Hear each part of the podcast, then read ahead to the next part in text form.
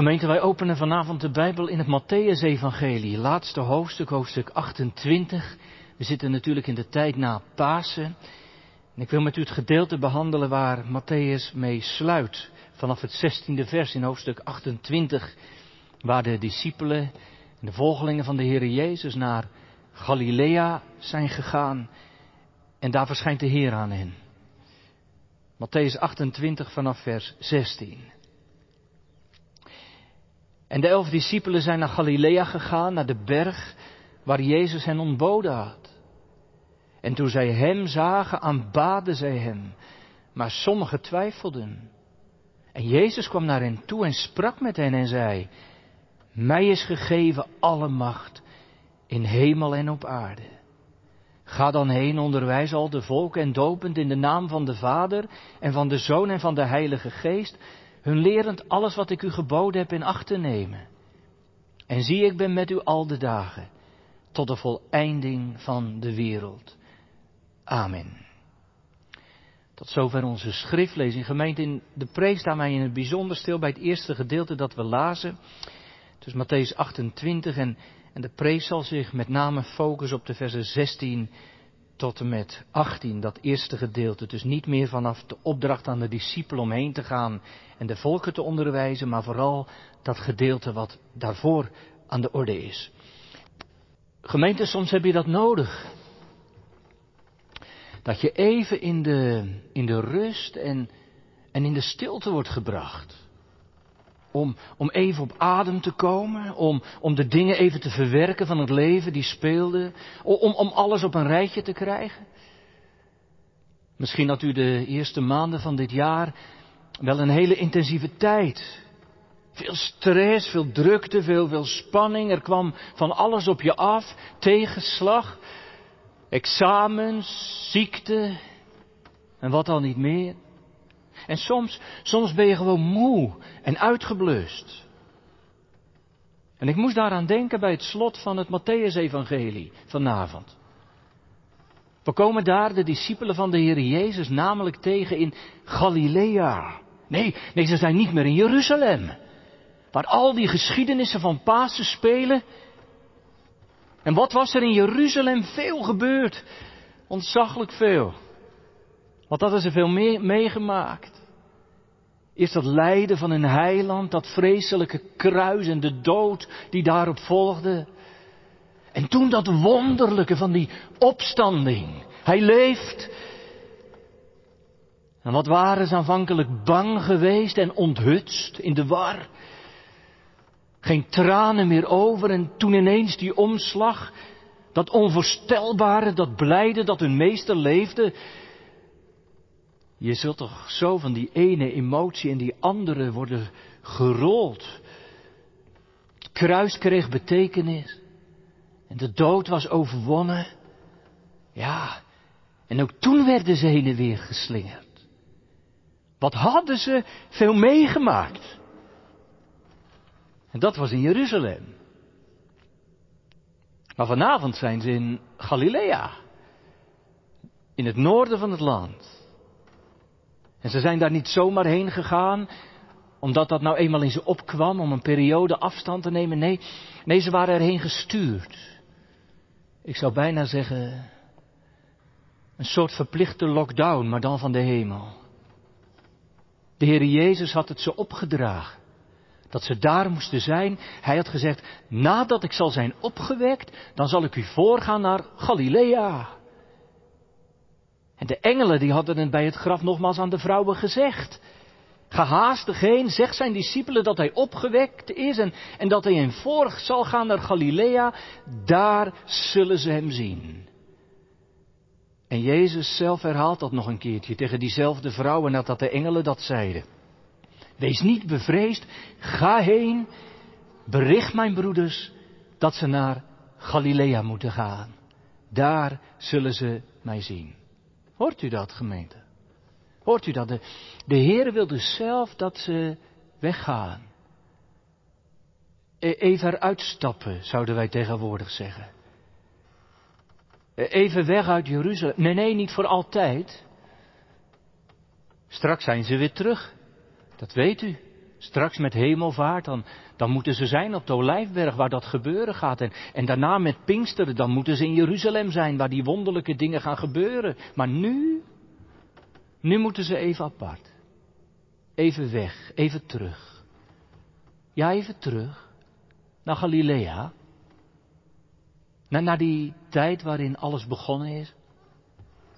Waar het ook trouwens heel mooi is. Je zou het bijna vergeten als je zo druk bent in Jeruzalem. Dat Galilea zo prachtig groen is. En er heerlijk, het heerlijk toef is bij dat prachtige meer. En, bij die bronnen van de Jordaan. Die klaterende watervallen, de bergen. Weet u, weet u wat ik dacht? Weet u wat ik dacht? Dat doet God soms ook bij ons. Dat, dan neemt Hij je even apart. En dan zet hij je even buiten de kring en de cirkel. En dan zegt hij, ja, ik ga u voor. Op zondag bijvoorbeeld. In de dienst. Ja, al is het thuis. Al zit u thuis op de bank, alleen, of met uw echtgenoten, of met uw kinderen misschien. Ook dan. Ik neem u even apart onder het woord en, en wat een zegen dat het kan. En daar daar zult u mij zien. En daar zal ik mij openbaren. Ik, ik, neem, mij even, u, ik neem u even apart door het woord, door de preek. Daar zult u mij zien. Want daar, waar dat woord uitgaat, daar, daar stromen de frisse waterstromen van Gods genade en, en zijn liefde. Echt waar hoor. Voor zondaren. En gemeente waar je aan mag haken bij de prediking van zijn woord. Daar zit je bij de bron. Ja, sommigen van u missen het geweldig, hè, de kerk. En de predikanten missen geweldig de gemeente die er is. Maar weet je wat we niet hoeven te missen? Die bron, die bron die maar stroomt en gaat daar waar het woord open gaat. Bij u, Heere, is de levensbron. Waar? Nou gewoon waar je bent onder het woord, onder de preek. Hier doet hij mij nederliggen aan grazige weiden en hier voert hij mij zachtjes aan, aan zeer stille wateren. En hier maakt hij mijn ziel stil voor hem. Ja, die, die, die discipelen zijn gegaan naar Galilea dus, waar de Heere hem bescheiden had. Nou, naar de berg staat er in, in, de Bijbel, waar de Heere Jezus hen ontboden had.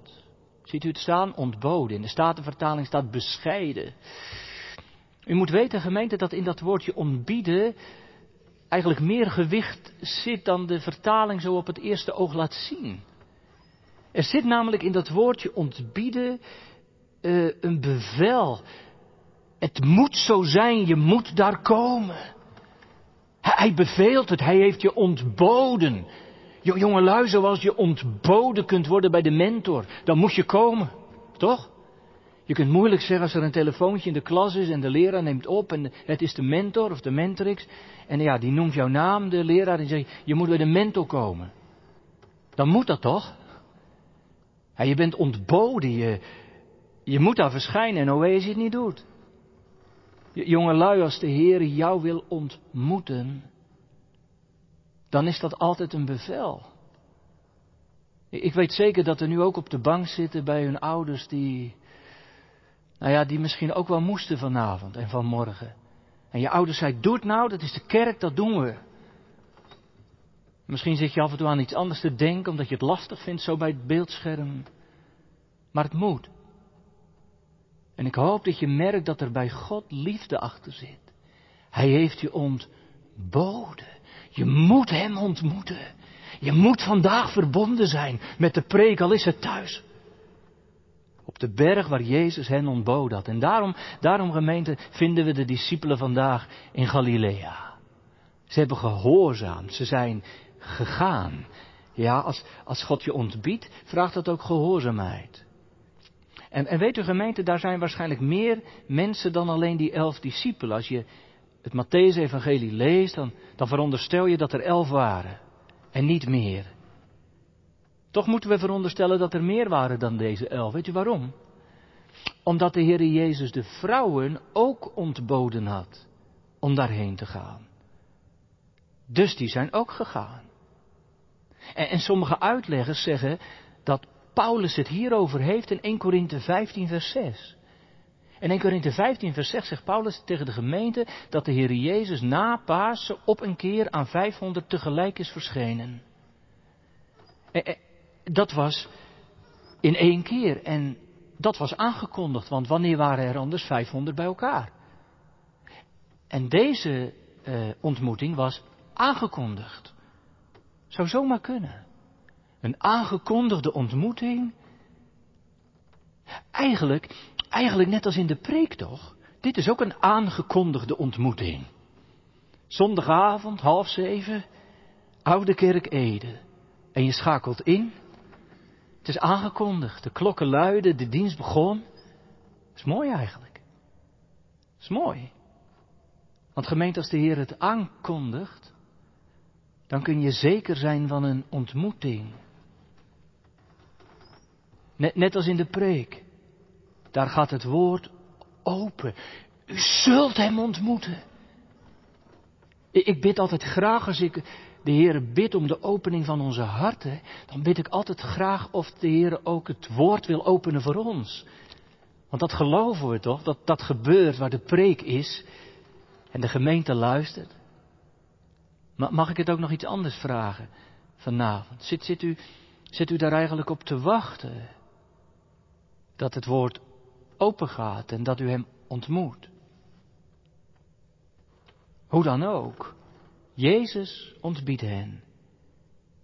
En dat doet hij op een berg. Hij heeft hen op de berg ontboden. En gemeente, daar moet je niet zomaar overheen lezen.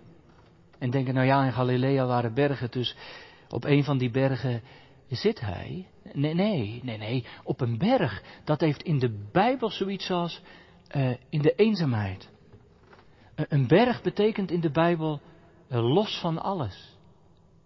Dicht bij God betekent het ook. Los van het dagelijkse leven op een berg. De, de Heer Jezus die, die gaf heel vaak onderwijs op een berg. denk aan de bergreden. En de verheerlijking was op een berg. En als Jezus ging bidden, ging hij vaak op de berg om te bidden. Ja, ja, gemeente, in de Bijbel is die berg bijna heilige grond. Heilige grond. En ik, en ik zie, het, ik zie het een beetje voor me. Je wordt letterlijk ergens bovenuit getild. Zoals je wel eens in de zomer wandelt in de berg op vakantie en, en naar de top wandelt en, en je even weg bent van alles en je dicht bij God voelt. Op een berg, dat is boven alles uit. Is mooi hè, als je aan de kinderen vraagt vanavond. Er zitten kinderen op de bank hè. Sommige kinderen luisteren mee met papa en mama. Maar als ik aan kinderen vraag, Jongens en meisjes, waarom gaan mensen soms in de Bijbel op een berg zitten om te bidden? Wat zeggen ze dan? Nou, dan zeggen bijna alle kinderen, daar ben je dichter bij God. En dat is zo. Dat is zo. Op een berg ben je niet alleen hoog en daarom dichter bij God. Maar op een berg ben je gewoon weg van alles en iedereen. En daarom dicht bij God. Ze hebben gelijk, die kinderen. Ze in een eenvoudigheid soms het zomaar zeggen. Ik weet nog goed, gemeente, jaren geleden was ik in de Sinaï-woestijn en, en op een vroege ochtend beklommen we de berg Horeb. En ik herinner me nog de ontroering toen ik daar boven op die berg was. In die woestijn. En de zon maar net boven de horizon verscheen. Dat je je even zo dicht bij God wist. Op die plek waar hij ooit zijn wet gaf, boven alles uitgetild. Op een berg. Weet je wat ik hoop? Ik hoop eigenlijk dat u vanavond ook op een berg zit. Niet in de put. Heel veel mensen die zitten deze tijd in de put. En die maken zich zorgen over heel veel. En ik begrijp dat wel. Maar ik hoop dat u vanavond op een berg zit. Zomaar onder dat woord. En even heel dicht bij de Heere, die, die u daar roept en brengt, om te komen onder zijn woord. Stilletjes luisterend naar de preek, gewoon thuis. Gewoon op de bank. Even los van alles. En daar los van alles, in die ruimte die hier op een berg is, brengt God zichzelf dichtbij. Echt. Door zijn zoon. Jawel, door de Heer Jezus komt Hij nameloos dichtbij. Schenkt Hij zichzelf weg. Maar mag ik het zo zeggen, dringt Hij zich bijna aan je op. En, en de discipelen zien het gebeuren op die berg in Galilea.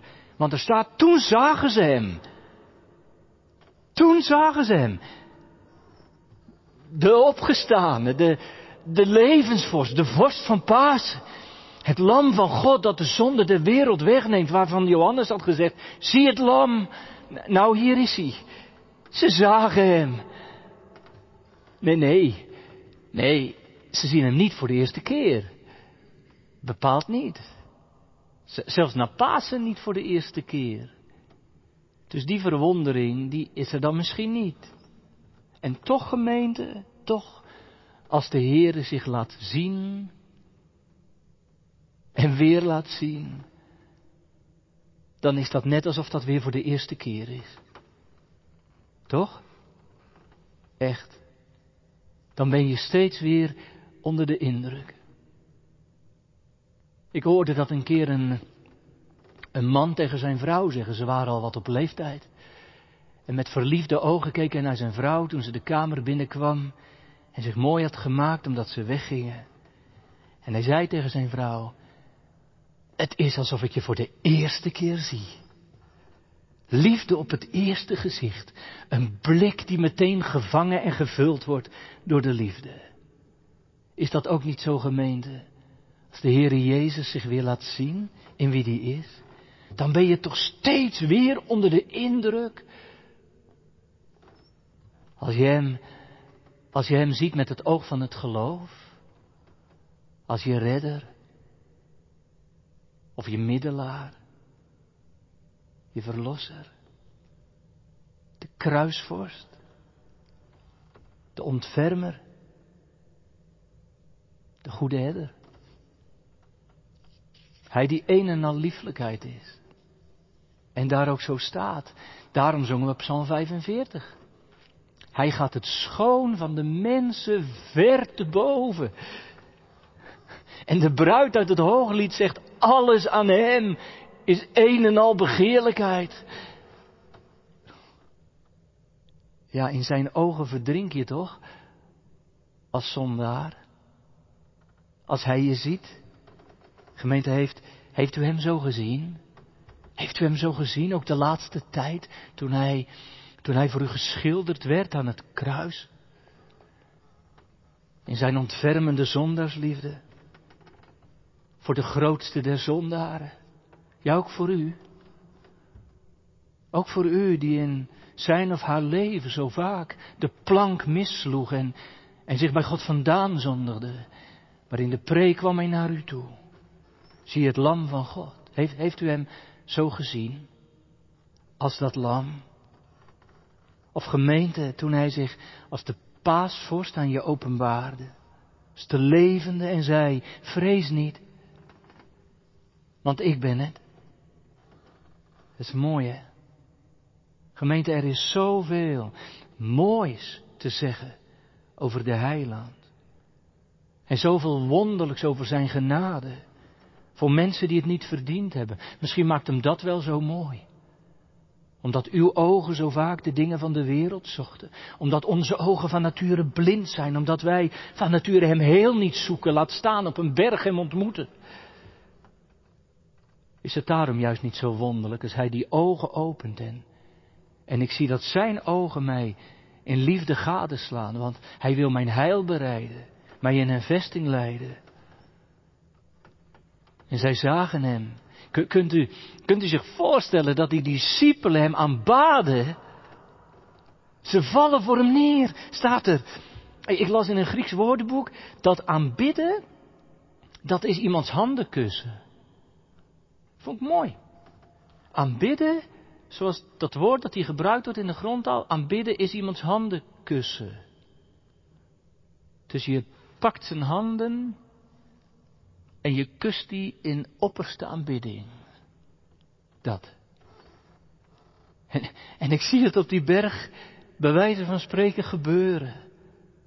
Ik zie Petrus, een van de elf. Die man die, die zo vaak uit de bocht was gevlogen. En die zijn meester zo vaak verdriet deed. En die wegzonk in de golven. Die. En die met het zwaard stond te zwaaien in Gethsemane.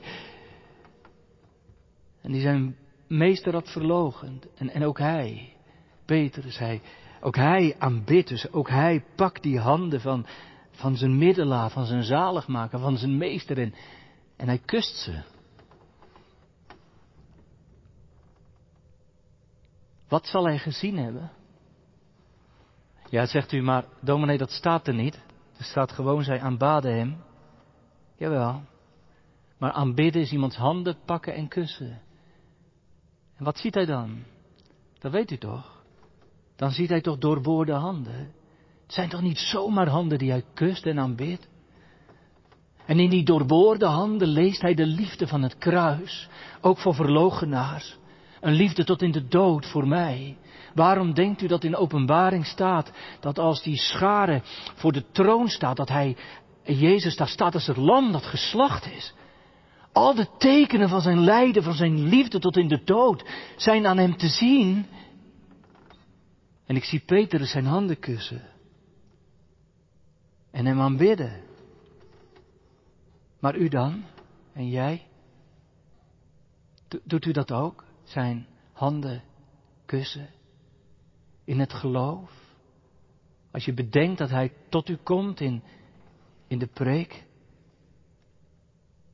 En knielt u ook voor hem neer vanavond? Nu hij voor u verschijnt in de preek? Ja, ja, in, geloof, hoe aangevochten ook, pak ik zijn handen en ik kus ze. En ik zeg het, Heere, Heere, ik aanbid u, want ik kan niet anders. En ik kijk naar de tekenen en ik zeg, alles aan u is mooi. Gemeente, u, u bewaart die kussen toch niet voor de wereld. Jonge lui, niet doen hoor.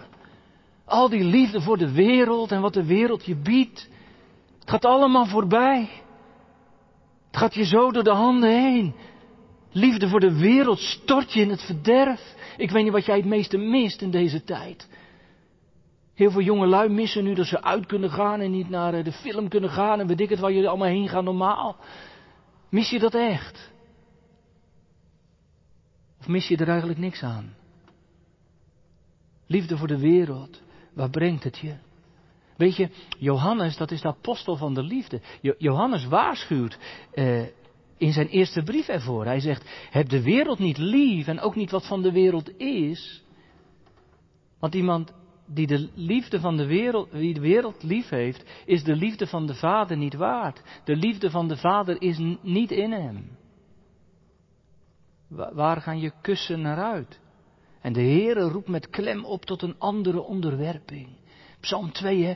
Kust de zoon opdat hij niet toornig wordt en u onderweg omkomt, wanneer zijn toren slechts een weinig ontbrandt, want zijn liefde is een brandende liefde. En zijn liefde is een heerlijke liefde voor als je dichtbij bent. Maar als je bij die liefde vandaan raakt, dan wordt het een verterende liefde. Echt waar. Want Jezus die hier op die berg staat en die discipelen en die volgeling ontmoet, is maar niet een Jezus die een beetje aardig doet, en een beetje lief heeft. En morgen heb je weer wat anders lief. Maar hij is de zoon van God, de opgestane, die je moet kussen. Kus de zoon, opdat hij niet toorne. Kijk jongens en meisjes, weet je waar de liefde van God op lijkt? De liefde van God lijkt op een kaars. Wist je dat? Jullie weten wel, hè? als je nou een kaars hebt branden, dan kun je met je vinger door de vlam heen, hè? Heb je dat wel eens gedaan? Dat mag natuurlijk niet. Maar misschien heb je het wel eens gedaan, of papa, je kunt door een vlam van een kaars gewoon met je vinger. Dan wordt je vinger wel zwart, maar hij verbrandt niet. Dus je moet heel dicht bij die vlam blijven. Maar als jij je vinger een beetje omhoog doet, twee centimeter, vlak boven de vlam, dan verbrandt die gelijk. Gelijk heb je meteen een blaar. Weet je, weet je wat de dominee probeert uit te leggen? Als je van de Heer Jezus houdt, moet je heel dicht bij hem blijven. En doen wat hij vraagt. En bidden om een nieuw hart en vergeving van je zonde. Want als je een beetje bij hem vandaan raakt, is dat net als met dat vlammetje. Dan doet het geen goed, maar kwaad. Gemeente, kus de zoon opdat hij niet toorne. Onderwerpt u aan hem, net als die discipelen hier, lever je uit aan hem. En zij aanbaden hem, ze kusten hem.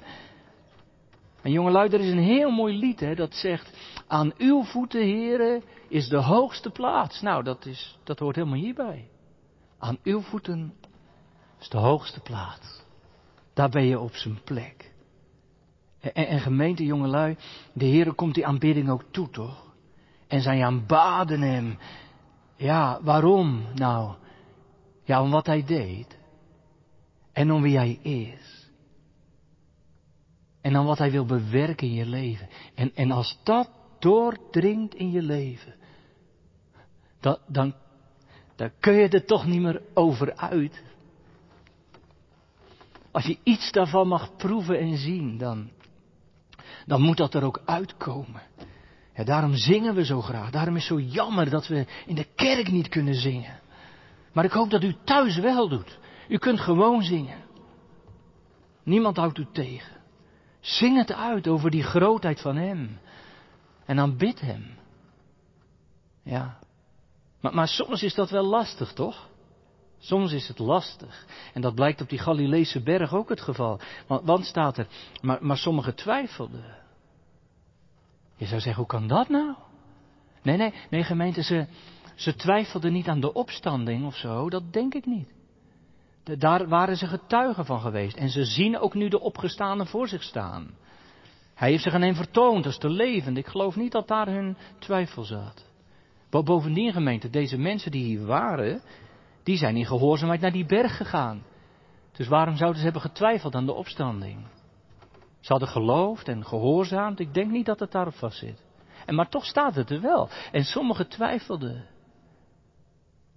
Waar die twijfel dan in zou hebben kunnen zitten? Nou, misschien wel in de vraag. Is hij dit dan echt? Een soort verwonderde vertwijfeling? En, en uh, iedereen valt aan zijn voeten neer en, en sommigen kussen zijn handen. Kan ik dat wel? En durf ik het wel? En misschien, misschien is er vanavond wel iemand die dat ook herkent. Dat zekerheid en twijfel in je leven soms zo om voorrang vechten. Je weet het allemaal wel en van die opstanding, je gelooft het ook. Als iemand zegt, ik geloof niet in de opstanding, of weet ik, dan zeg je, ja, ik geloof het wel. Maar als het gaat om dat diepe geloof, dat zich helemaal toegeëigend weet in Christus, dan voel je soms de twijfel in je leven toeslaan. En het grijpt je wel eens naar de keel, hebt u dat nooit? En dan zie je het even niet. En, en soms, soms dringt het gewoon niet door. Je hoort de dominee preken en je zingt de prachtigste liederen. En je ziet het enthousiasme van de rest, maar bij jezelf, ja, je deelt er gewoon even niet in. Het, het raakt je niet. Kan hè? Misschien hebt u de kerk wel heel erg nodig om dat te hebben. Maar ja, daar bent u nu niet. Of, of je voelt je zondig. En de schuld van je leven komt op je af. Kan ook, hè? Als je iemand, als je iemand in het gewone leven heel erg verdriet hebt gedaan. En die ander vergeeft je. Hebt u dat eens meegemaakt? Je hebt iemand echt op het hart getrapt. Je hebt iemand kwaad gedaan. Je kunt dat ook niet meer goed maken. Het is kapot gegaan. Maar die ander vergeeft en, en die steekt de hand naar je uit. Je kunt je wel voorstellen dat je een beetje twijfelt. Niet, niet omdat je niet gelooft dat die ander jou vergeeft. Maar, maar je bent zo'n ongelofelijke knuppel geweest. Je hebt zo verkeerd gedaan. Je hebt die ander zo'n verdriet berokkend. Kunt u het zich voorstellen? Jongelui, je kunt wel zeggen, ja, bij, bij Jezus mag je altijd terecht en je mag aan zijn voeten vallen en, en hem om de hals vliegen. Nou, ik geloof best dat dat mag, ja. Hij is meer toegankelijk dan je denkt. Maar ik hoop dat je ook beseft dat je deze Jezus ook verdriet doet door je zonde. En dat het niet een soort goedkope genade is. Kan toch? Of, of je zit vanavond naar de preek te luisteren en, en je verlangt heel erg naar rust. Rust in je hart en in je hoofd. Ja, je gelooft dat het kruis en de opstanding waar zijn, daar zit het hem niet in. En, en je zit er ook nu voor. Je luistert naar de preek, maar, maar, al die maars die zich soms opstapelen in u en mijn leven. Maar dan gebeurt er iets moois, gemeente. Iets heel moois. Kijk er maar in uw Bijbel mee. Er staat, en Jezus kwam naar hen toe. Naar hen die hem aanbidden en zij aanbaden hem, maar hij komt naar hen toe. Naar wie? Nou ja, naar diegenen die gingen aanbidden, maar ook diegenen die twijfelden. Jezus komt zelf een stap dichterbij. Dat, dat wordt hier bedoeld. Hij kwam dichtbij. Ik vond in mijn Engelse vertaling het eigenlijk nog iets mooier gezegd. In mijn Engelse vertaling staat, Then Jesus came nearer of closer. Dat mooi hè? En Jezus kwam dichterbij. Nearer my God to thee. Dichter bij u, o God. Omdat Hij een stap dichterbij doet. En Jezus kwam naar hen toe. Je zou zeggen, dat is toch wel een keer klaar nu? Zij moeten toch naar Hem toe? Ja, maar Hij komt naar hen toe. Net zoals wat hij altijd deed in, in zijn leven. Toen, toen Petrus wegzonk in de golven, kwam hij naar hem toe. En greep zijn hand. En bij die Samaritaanse vrouw, bij die put, kwam hij nabij. En de discipelen verwonderden zich dat hij met een vrouw sprak. Hij kwam nabij. En toen Zacchaeus in de boom zat, omdat hij Jezus wel wilde zien. En Jezus stond stil en zag op en, en hij riep Zacchaeus, ik wil nabij zijn in jouw huis. En, en als, als de Heer dan naderbij komt, ook bij die twijfelaars, dan klinkt er geen enkel verwijt. Hij overbrugt de afstand. Bij de twijfelaars in kluis. Je wordt niet zalig omdat je hem aanbidt. En je wordt niet niet zalig omdat je twijfelt.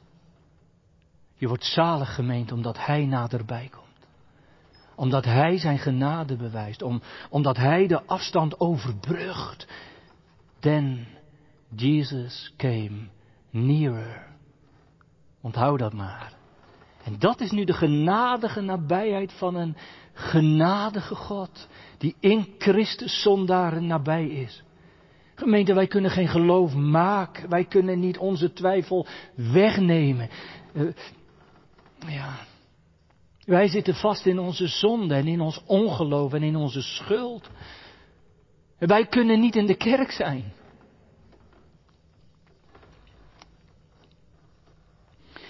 Crisis houdt ons thuis. En we vieren geen avondmaal. En we kunnen niet dopen. En soms lijkt het zo ver weg. Maar Gods genade overbrugt de kloof. Then Jesus came nearer. Hij komt dichterbij. Ik, ik, las het heel mooi in een commentaar. Ik, las in een commentaar en ik, ik quote het voor u. Jezus komt nog dichterbij, zodat zijn discipelen nog beter kunnen zien en horen. Heel eenvoudig. Toen ik dat las, toen dacht ik, hij, hij komt dus gewoon op gezichts- en gehoorsafstand. En, en dat doet de Heer door zijn Heilige Geest gemeente. Dan komt hij op gezicht en gehoorsafstand naderbij. En dat doet hij dus vanavond ook.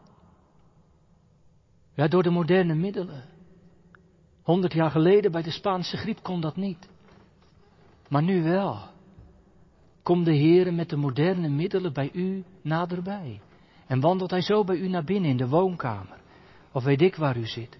En maakt hij zich door zijn heilige geest zichtbaar in Christus en hoorbaar. U hoeft alleen maar te luisteren. En hoort u ook zijn voetstappen. Jezus kwam dichterbij. Hij die in de nabijheid van zijn woord nabij komt. En juist in deze tijd dan iets te zeggen heeft, als hij op gehoor en gezichtsafstand is. En ik heb alle macht in de hemel en op de aarde. Niets in de hemel boven en niets op de aarde beneden is machtiger dan ik. Ik heb alle macht. Wat een woord, hij heeft alles in handen. Mij in kluis. Mij in kluis met alles wat mij in mijn leven treffen kan. Alle dingen. De kerk in kluis en alles wat ze meemaakt. Dit, dit land in kluis en, en deze wereld heeft hij in handen. Hij heeft de hele wereld in handen. Alle macht. En daarom loopt hem niets uit de hand. Ja, zegt iemand maar, maar, maar even dan tot slot, de prachtige woorden zomaar. Maar hij had dat toch al? Hij had toch al alle dingen in handen, ook daarvoor. Jezus had toch eerder ook al gezegd, alle dingen zijn mij overgegeven van mijn Vader. En in de wonderen die hij deed, werd zijn almacht zichtbaar. Hij, hij riep de doden tot leven. Hij riep de stormen tot stilte. Hij heeft de zieken genezen. Hij wierp de duivelen uit. Ja, dat is waar. Maar weet u gemeente, door zijn lijden en door zijn opstanding zijn alle restricties verdwenen. En nu is zijn macht onbegrensd geworden. En nu is zijn macht totaal en finaal. Beide. En dood en graf zijn definitief overwonnen. Ik heb alle macht in hemel en op aarde. Paulus zegt in Efeze 1, hij heeft alle dingen aan zijn voeten onderworpen en heeft hem als hoofd over alle dingen gegeven aan de gemeente. Ook dat nog eens, gegeven aan de gemeente. En Filippenzen 2 zegt, en daarom heeft God hem ook bovenmate verhoogd. En heeft hem een naam gegeven boven alle naam. Jezus. Hij is koning. Koning van het gans heelal. Macht in de hemel. En op aarde. Macht in de, dat gaat voorop, hè. Macht in de hemel. U zegt, waarom macht in de hemel? Nou, dat is toch mooi? Hij beschikt over die duizendmaal duizenden engelenmachten. Macht in de hemel, hij beschikt erover. Hij zal zijn engelen bevelen dat zij zijn kinderen bewaren op al hun wegen. En in macht op de aarde. Over alle machten en krachten. Ze zijn niets bij hem. En hij beschermt ertegen. De Heere regeert. Gemeente, ook als het tegendeel soms lijkt. Hij is koning. Hij zegt het zelf. Heerlijk vindt u niet? Heerlijk. Er is hulp bij hem in, in alle omstandigheden. En door zijn woord en door zijn macht zal het woord zijn loop hebben. Echt. En laat het zich niet hinderen. En hij zal de kerk bewaren. En, en gemeente, al is de nood nog zo groot. Er is geen nood zo groot. En geen band kan zo knellen. En geen verdriet is zo groot. En geen rouw is zo diep. En geen twijfel is zo hopeloos.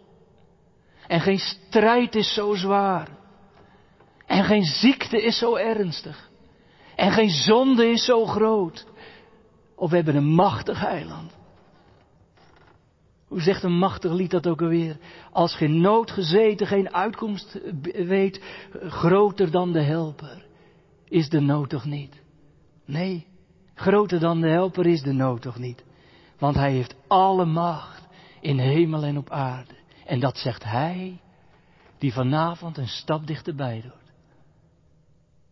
En binnen gehoor en gezichtsafstand komt, door zijn woord en geest. En houd daaraan vast. Zie op hem, die zondaar in zijn armen vergadert en in zijn schoot draagt en zegt, bij mij is veiligheid, bij mij is leven en bij mij is bescherming, want ik heb alle macht. En als je dat weet en gelooft, en als je daarbij inbegrepen bent, dan kan het niet meer misgaan. Met niks. In leven niet. En in sterven niet. Amen.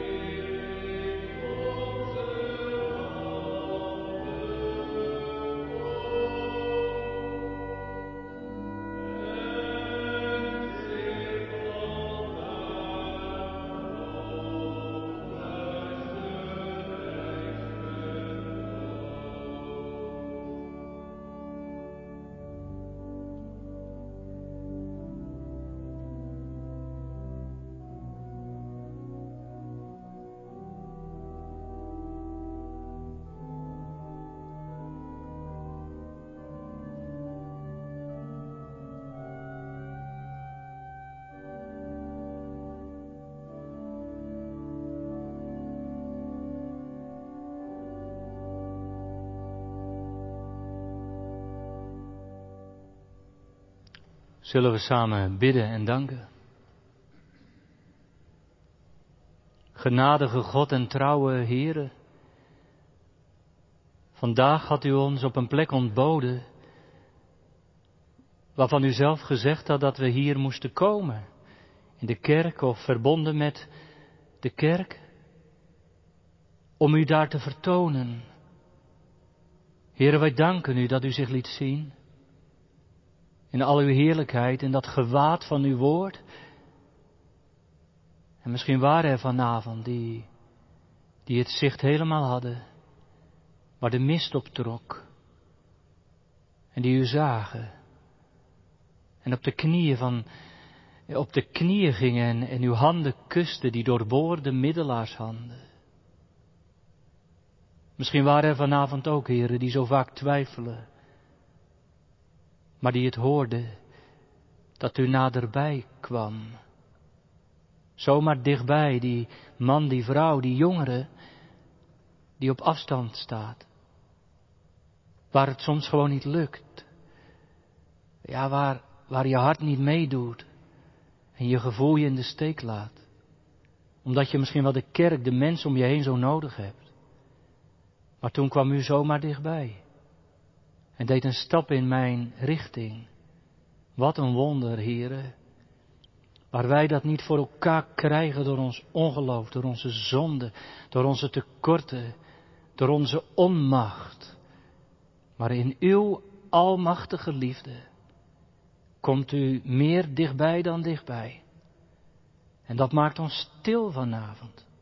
Stil voor uw aangezicht. Stil in opperste verwondering. Stil vanwege uw genade, waarmee u onophoudelijk ook de gemeente van Ede bedient. Ook in deze tijd, waarin het anders gaat en toch weer niet. Heere, zegen alle die momenteel verantwoordelijk zijn in de kerk. Je moet altijd denken aan de kerkrentmeesters die zoveel verantwoordelijkheden hebben. In het gewone leven gaan de vaak, dingen vaak gewoon hun gang. Maar nu hebben zij zoveel verantwoordelijkheid over hoe dingen gaan. En hoe dingen georganiseerd worden. Hoe techniek werkt en of het werkt.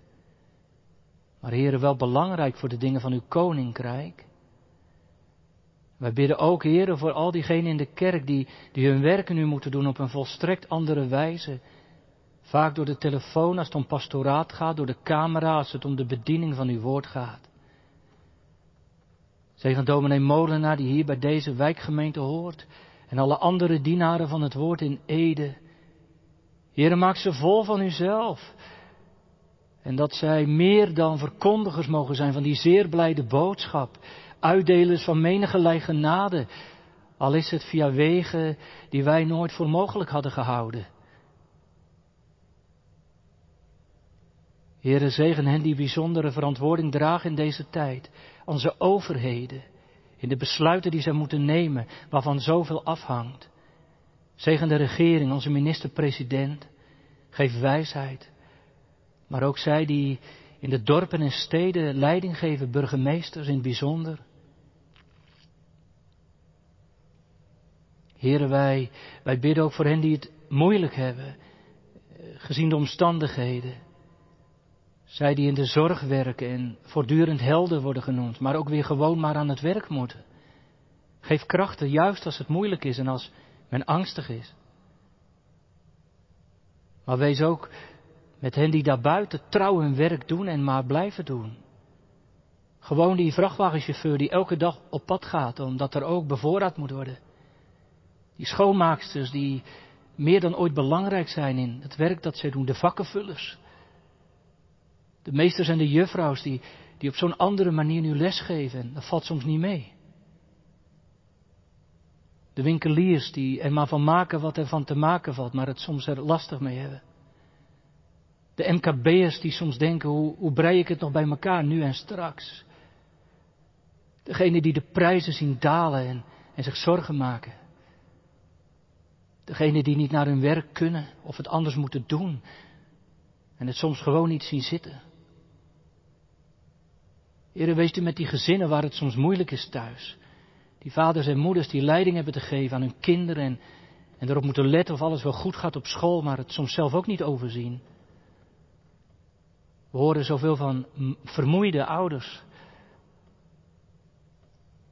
En we bidden ook voor die, kinderen die, die een rugzak hebben en die extra hulp nodig hebben, maar het momenteel niet kunnen krijgen. En de ouders die daar verantwoordelijk voor zijn. Heren, we bidden ze in uw handen. U die alle macht heeft in hemel en op aarde. Doe een stap dichterbij daar waar men zo om uw hulp verlegen is. Heren, Heren, wees u met hen die hulp nodig hebben. Die hun psycholoog nodig hebben of hun maatschappelijk werker.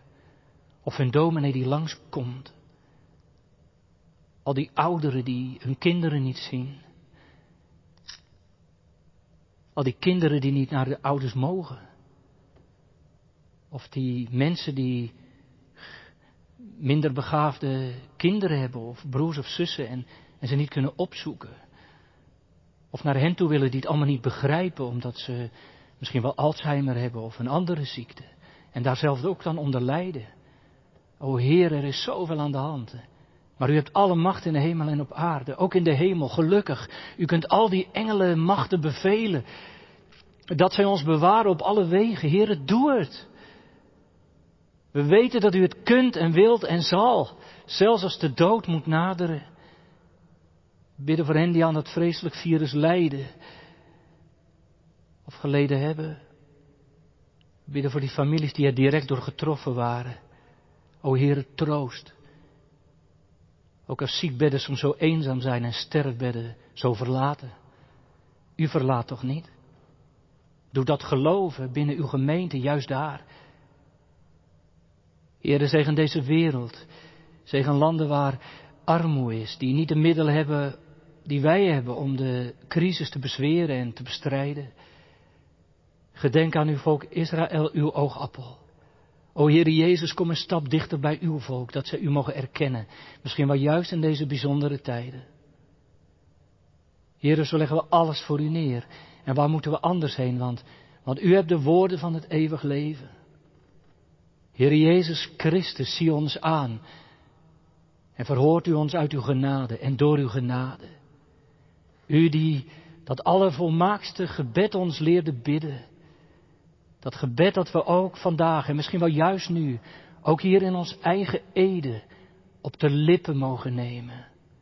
En samen mogen bidden. Onze Vader, die in de hemelen zijt. Uw naam worden geheiligd. Uw koninkrijk komen. Uw wil geschieden, gelijk in de hemel, alzo ook op deze aarde. Geef ons heden ons dagelijks brood. En vergeef ons onze schulden, gelijk ook wij vergeven onze schuldenaren. En leid ons niet in verzoeking, maar verlos ons van de boze, want van u is het koninkrijk. En van u is de kracht. En van u is de heerlijkheid. Tot in alle eeuwigheid. Amen.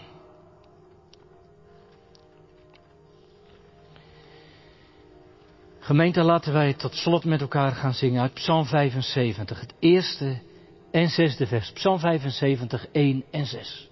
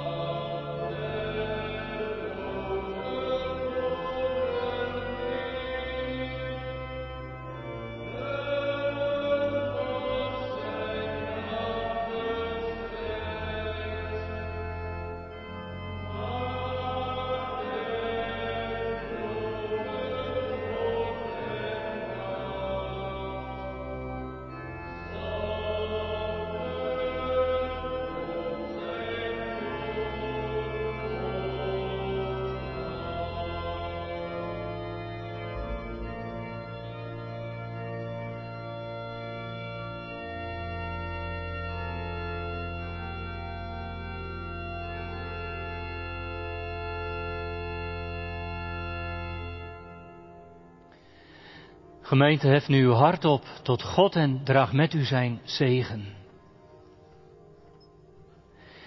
De Heere zegene u en hij behoede u. De Heere doe zijn aanschijn over u lichten en hij zij u genadig. De Heere verheffen zijn aangezicht over u en hij geven u zijn vrede. Amen.